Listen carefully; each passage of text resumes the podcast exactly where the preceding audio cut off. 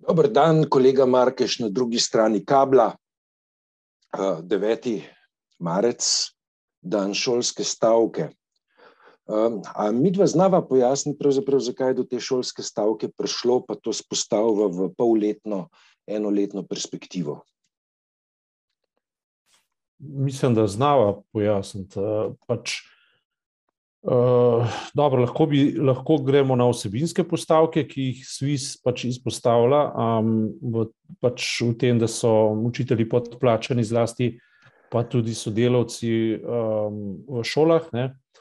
Ampak zdi se mi, da je treba to stavko pač gledati v kontekstu um, vladnega, uh, vladne oziroma SDS-ove uh, strategije uh, izločitve ali pa demontaže um, zdrav, zdravstva oziroma zdravniških plač iz javnega sistema. Mislim, da, da tukaj lahko iščemo vzroke za zdajšnje dogajanje. Je pa paradoks, ne? mislim, da ta sistem je bil postavljen v času, ko je um, Ministrstvo za javno upravo, tako imamo spominu, no, vodil Gregor Virant, član uh, vlade pod vodstvom SDS v obdobju 2-4-2-8. Uh, in um, kot da bi se zdaj ogrejeval od uh, plačnega sistema, postavljenega pred približno 15 leti. Peč, um, dobro, jaz se tukaj z, z Gregorjem Virantom strinjam, da bi ta sistem verjetno potreboval um, osvežitev, nadgradnjo, ker je teh vljudnih fraz, uh, ki govorijo o manj radikalnih spremembah, tole zdaj je pa radikalna sprememba. Ja, kot rečeno, težko je razumeti stvari, če jih ne postavljaš v, šir, v širše kontekste. Ne? Ampak demontaža uh, tega sistema se je začela v imenu COVID-a in v imenu uh, trpljenja, ki ga, ki, kateremu so podvrženi zdravstvene osebe, predvsem zdravniki, in, ki so videli v tej, v tej zadevi dvojno priložnost. Prvo, ker je za privatizacijo zdravstva, drugo pa, kar je pa za izuzetje iz uh, plačilnega sistema ne? in preobrazbo, to, kar zdaj najbolj besno in vehementno zagovarja Tonin in Nova Slovenija. Ne? Upam, da, da jih bo to udarilo na volitvah, ne? namreč da se zdravstveni sistem izuzame uh, javni zdravstveni sistem, razloči od državnega in se govori o javnem v smislu privatnega, če tako rečem. Sprav pod vplivom lobijem je ta teza prodrla tudi v Slovenijo, spodbujajo MČM. Um, je pa tako, ne, v tistem uh, kriznem obdobju ne, je uh, se v imenu COVID-a in v imenu proti, uh, pravi, tako rekoč, recimo temu vojnih razmer, ne, so se, so se, se je začel majati javni sistem, ne, in to je nekdo dobro premišljeval. Ne.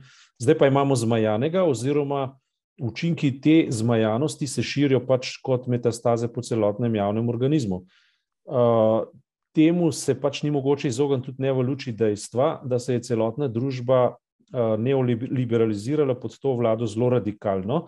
In naenkrat se je uspehu ne več reklo blaginja ali pa javna blaginja celotnega naroda, ampak gospodarska rast. Ne. In danes imaš ekstremne gospodarske rasti, hkrati pa tudi ekstremno inflacijo. In v končni fazi se to pozna samo tistim, ki kujejo dobičke, tistim, ki pa smo potrošniki, pa o, o, o, ostajamo pri istih plačah, plačah in večina slovencev je na tem leta in leta. Ne. Se pa kaj zgodi? Ne? Zgodi se preprosto to, da so, da so se jim stroški bivanja povečali. Ne? V zadnjem času, spet zaradi naslednje pandemije, ki se ji reče Ukrajinska vojna, in, in teh pandemij noče biti konca že tretje leto. In, in kot kaže, ne, je to postala neka nova stvarnost, ne so se podražili energenti, nafta se je podražila, tako rekoč, enormno, plin se je podražil, hrana se je in se še bo podražila. In to za vlado, ki je poskušala zamajati javno stabilnost, ne, ni, ni dobra novica, zlasti pa ne pred volitvami.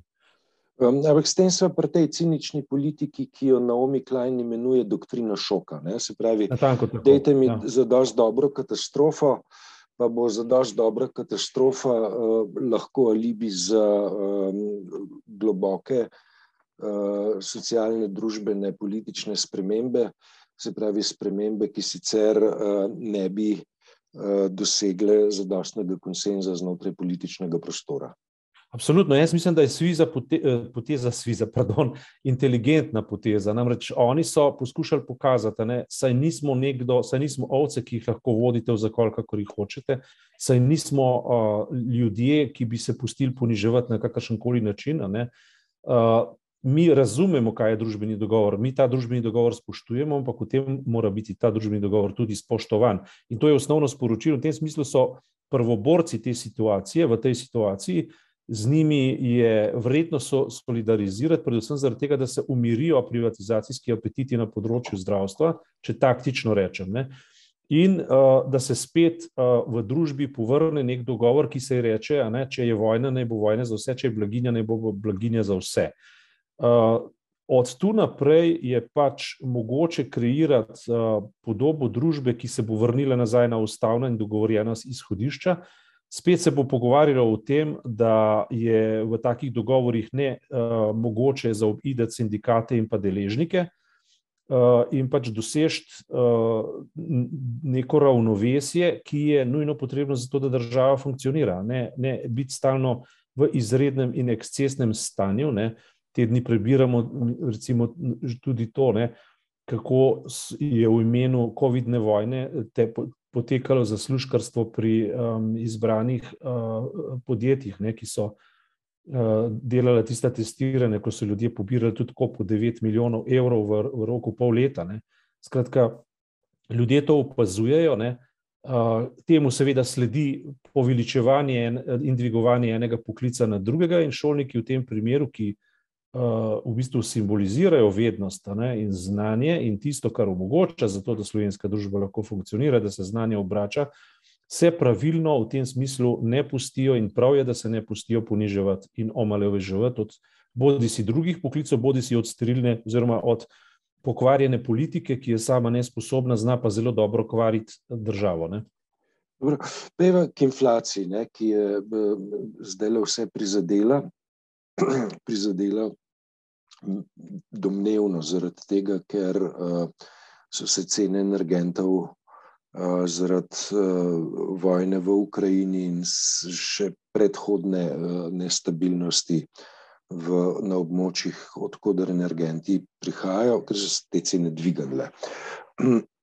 Če pogledamo zelo uh, enostavno, kaj je inflacija, je inflacija prerasporejanje bogatstva, prerasporejanje bogatstva od tistih, ki so lahko izključno potrošniki, k tistim, ki uh, so lastniki bodi si nepremičnin, bodi si uh, produkcijskih sredstev, kot se je rekel v nekih že mal pozabljenih časih.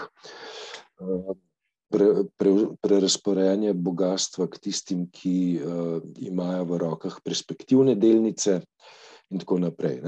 Pravi, na, ta, na ta vidik, da je pravzaprav um, inflacija mehanizem prerasporejanja bogatstva, se v teh uh, dneh, ko se ta um, uh, fenomen ponovno vrača.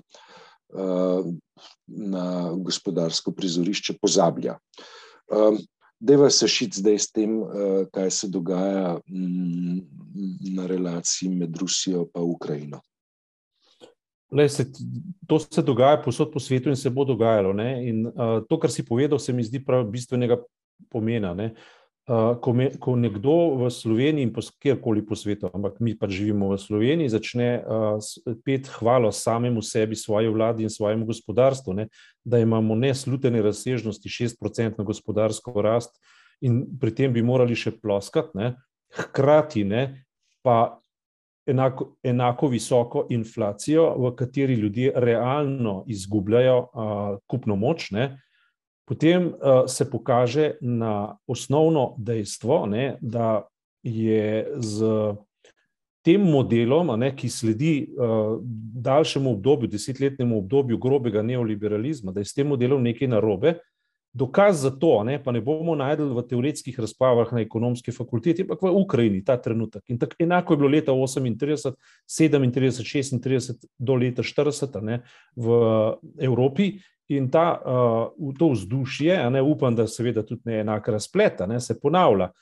To, da, je, uh, da smo v zamahu metulovega uh, krila, ne, to se pravi, da na enem koncu sveta se nekaj zgodi, na drugem koncu se pa to občuti, je več kot tak, kot na dlani. Ne?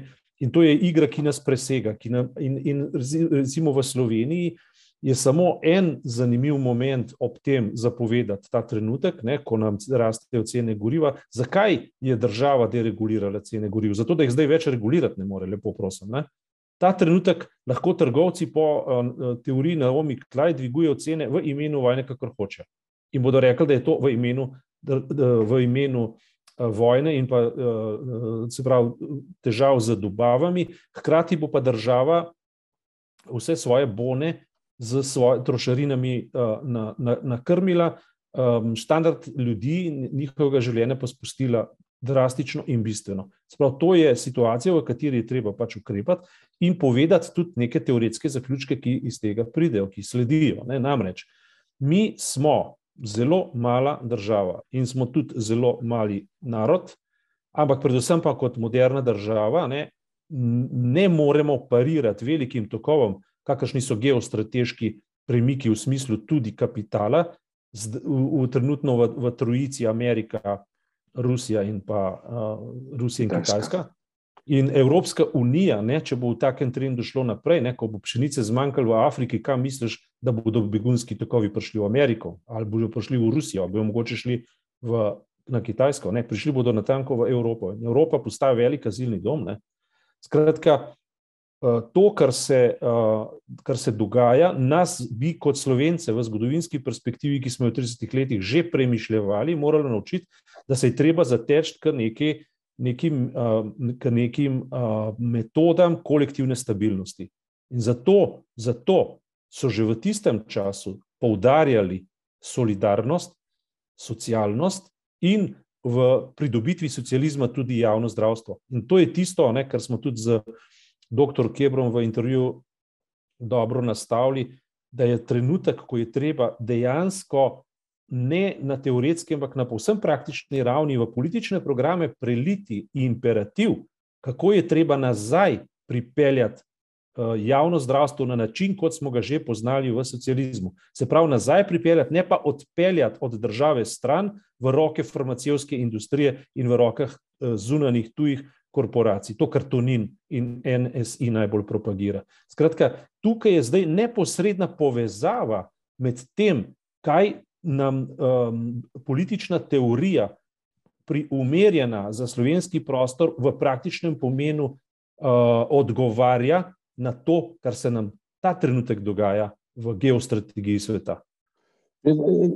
Tukaj mislim, da je treba biti um, intelektualno pošten do uh, predhodnikov socializma, ko govoriš o javnem zdravstvu je treba vendarle pogledati, eh, odkot ta ideja javnega zdravstva prihaja. Eh, tukaj ti bom kontriral, eh, ne prihaja od socializma. Je res, da je socializem pri nas to idejo posvojil, pač pa sega v čas kanclerja, nemškega kanclerja Bismarcka, znanega tudi po vzdevku železni kancler, ki ne, je eh, ob koncu 19. stoletja se spomnil sistem javnih zdravstvenih zavarovalnic, ki so potem servisirale eh, pravzaprav zdravstvene storitve. In je treba, po mojem mnenju,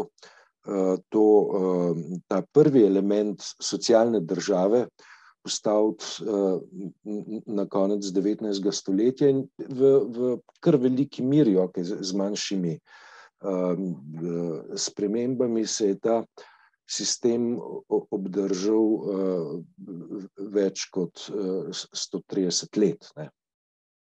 Ja, sej, to smo enkrat na tem mestu že obravnavali. Jaz ne nimam v mislih samo komunističnega socializma, ampak tudi Krekovega in vse, kar pride pred tem.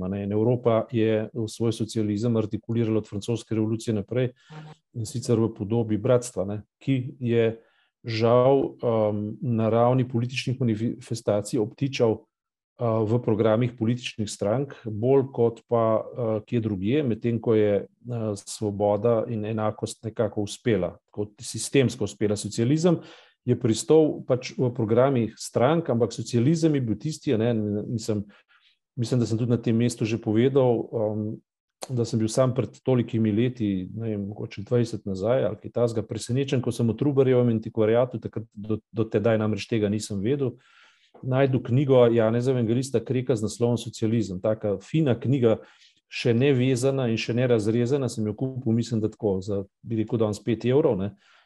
In uh, Krek se je takrat uh, tako daleč ukvarjal s socializmom, da je o tem napisal celo učbenik. In, in potem govorimo o socializmu, socialnih demokratov, Abditusa, tudi Cankarjev in tako naprej, in pa naprej kar delijo, oziroma komunistični socializem kakorkoli že, sploh ni pomembno, odkot pride. Bismarck je dejansko bil tudi eden tistih, oziroma je bil tisti, ki je upeljal penzionski sistem, ne upokojenski sistem na način, kot ga še danes poznamo. Mislim, mi ga kopiramo od Nemcev. Ampak Nemčija danes je kar precej socialna država. Recimo, tam se ta trenutek, kljub temu, da so koncesije razdeljene na ravni zdravništva, ne, so izredno strogo nadzorovane in tam so tako imenovane dvoživke, kakršne poznamo v Sloveniji, absolutno nemogoče. Tam je javno, javni denar nadzorovan strogo, pri nas je pa dobesedno, uh, uh, se pravi, in, in to je velika sramota medicinske uh, srenje, ne, uh, da, uh, da tako, da, da tako um, načeloma spoštovan poklic vnaša tako anarhijo in tako kaotičnost v, v, v, v družbo. Ne z dvoživkami, z ustvarjanjem izrednih razmer, zato da se iz tega izvlečejo zasebni in osebni profiti.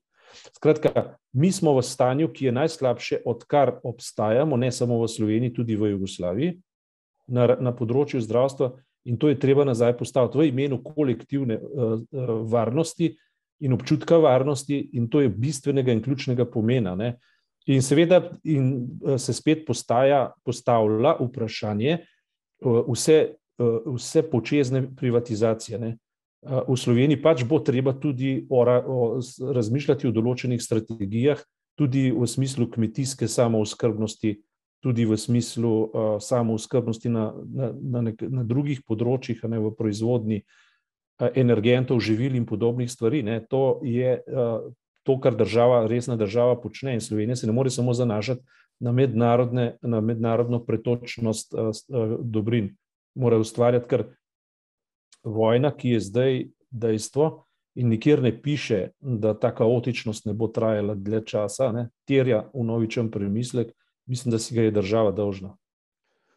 Dobro, um, s tem pozivom k novičnemu premisleku končava za tokrat, naslednjo sredo pa nadaljujeva. Hvala ti. Hvala, srečno.